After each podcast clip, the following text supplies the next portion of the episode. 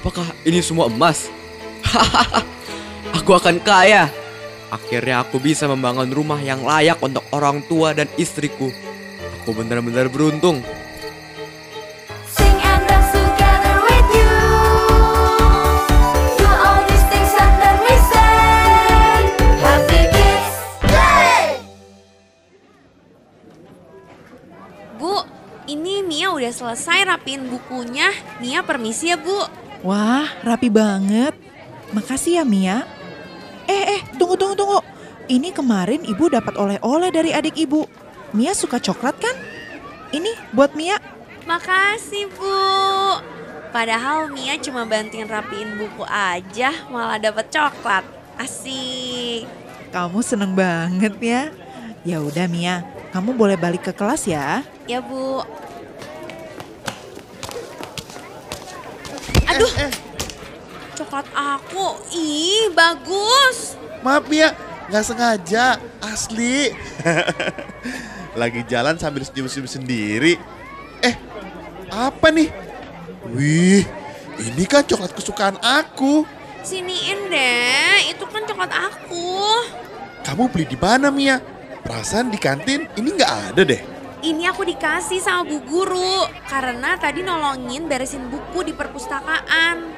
Wah, aku juga mau ah. Siang Bu. Siang bagus. Tumben kamu ke sini. Kenapa? Ya nggak apa-apa Bu. Siapa tahu ada yang bisa bagus bantu. Hah? Oh iya, tadi Mia udah bantuin ibu. Udah beres semuanya. Yah, gagal deh dapet coklat. Coklat. Oh, jadi kamu mau bantuin ibu biar dapat coklat. Gus, Gus. Daripada coklat, mau denger cerita ibu nggak?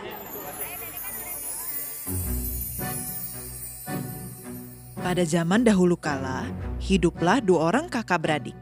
Mereka hidup dalam kemiskinan. Namun, sang kakak adalah seorang yang pemalas dan berpengarai buruk. Sedangkan sang adik adalah seorang yang rajin, ulet, dan berkepribadian baik. Suatu hari sang adik pergi ke hutan untuk mengumpulkan kayu bakar. Tampaknya kayu bakar yang kukumpulkan sudah banyak. Sebaiknya aku istirahat sebentar sebelum kembali ke rumah.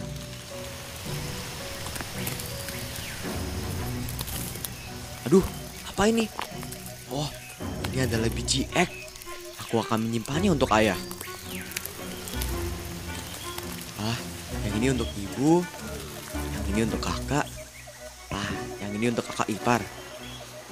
Si adik sibuk mengumpulkan biji ek yang jatuh hingga tidak sadar bahwa langit sudah menjadi gelap dan dia sudah masuk jauh ke dalam hutan. Malam menjelang.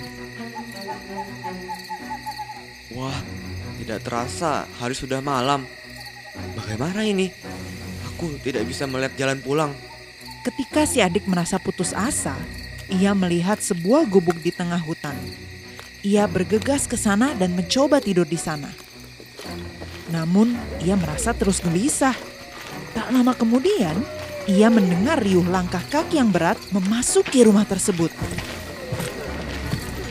Saudara-saudaraku, ayo kita bermain ketukan gada malam ini. Ide bagus. Ayo, ayo. Ternyata rumah itu adalah rumah bermain para goblin. Mereka datang setiap malam untuk bermain di rumah itu. Setiap kali mereka mengetukkan gadanya, emas bermunculan di tempat mereka mengetukkan gada tersebut. Saat para goblin itu bermain, terdengar suara keroncongan si adik.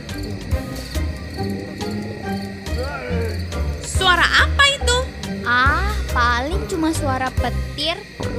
Petir? Hmm, ayo kita harus bergegas pergi. Atap rumah ini kan sudah mulai lapuk. Tenang saja. Kan masih suara petir. Belum hujan. Para goblin itu terus memainkan permainannya. Si adik yang sangat kelaparan akhirnya memutuskan untuk memakan biji ek yang dipungutnya. Kalian dengar? Itu pasti suara atap yang ambruk. Ayo, ayo kita menyelamatkan diri.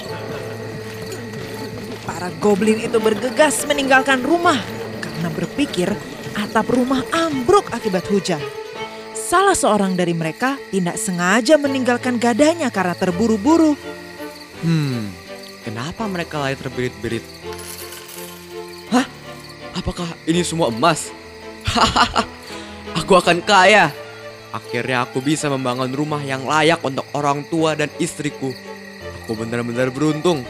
Si adik mengumpulkan semua emas dan juga membawa gada goblin yang tertinggal itu. Ia pun pulang ketika hari telah pagi. Dengan emas yang dikumpulkan, ia membangun rumah yang megah untuk keluarganya. Ketika ia membutuhkan uang untuk membeli keperluan hidup, ia akan memukul gada goblin itu dan mengumpulkan emas yang bermunculan. Akhirnya, ia menjadi orang yang kaya raya. Si kakak yang iri bertanya, bagaimana ia bisa mendapatkan semuanya itu?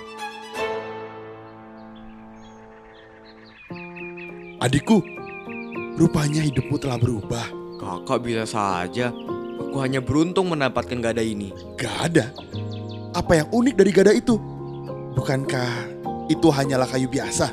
Percaya atau tidak percaya, ini adalah gada milik goblin. Ini adalah gada ajaib, Kak. Benarkah? Bagaimana kau bisa mendapatkan gada ajaib itu? Si adik menceritakan semuanya kepada kakaknya. Mulai dari ia mengumpulkan biji ek hingga rumah di tengah hutan yang ia temukan.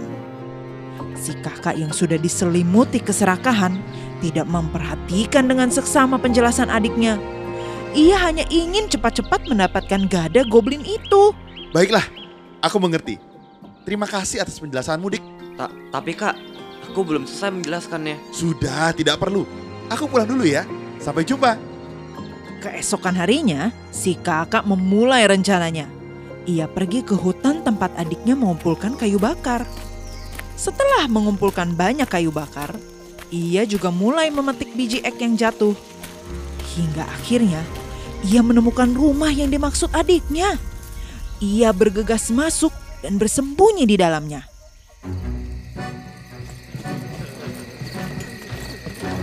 Akhirnya giliranku untuk mendapatkan gada goblin. Ayo, kita mulai permainannya. Karena tidak sabaran, si kakak langsung menggigit biji ek yang dikumpulkannya. Sehingga terdengar suara yang keras. Orang serakah ini kembali lagi. Dia bahkan telah mencuri gada ajaibku. Ayo, kita beri dia pelajaran. Ini dia. Ayo kita pukul dia. Ah, tolong, tolong, jangan pukul.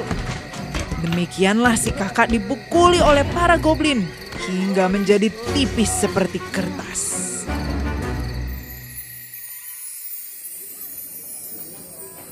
Gimana Gus? Menurut kamu? Kasihan nih si kakak. Lagi siapa suruh serakah ya, Bu? Nah itu kamu tahu. Kalau kamu mau bantu, bantu aja. Jangan karena ingin sesuatu. Lagian kalau kamu minta baik-baik, kalau masih ada sih pasti ibu kasih coklatnya. Bener, Bu. Tahu gitu bagus minta aja ya. Bagus, boleh minta coklatnya, Bu. Ya boleh. Tapi gimana ya Gus? Coklatnya udah habis ibu makan.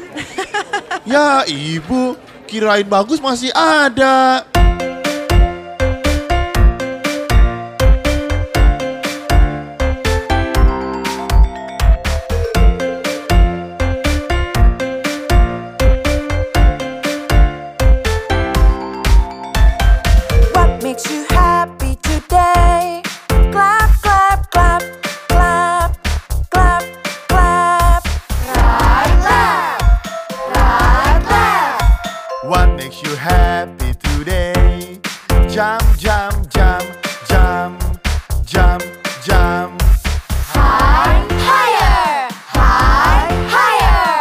Makes you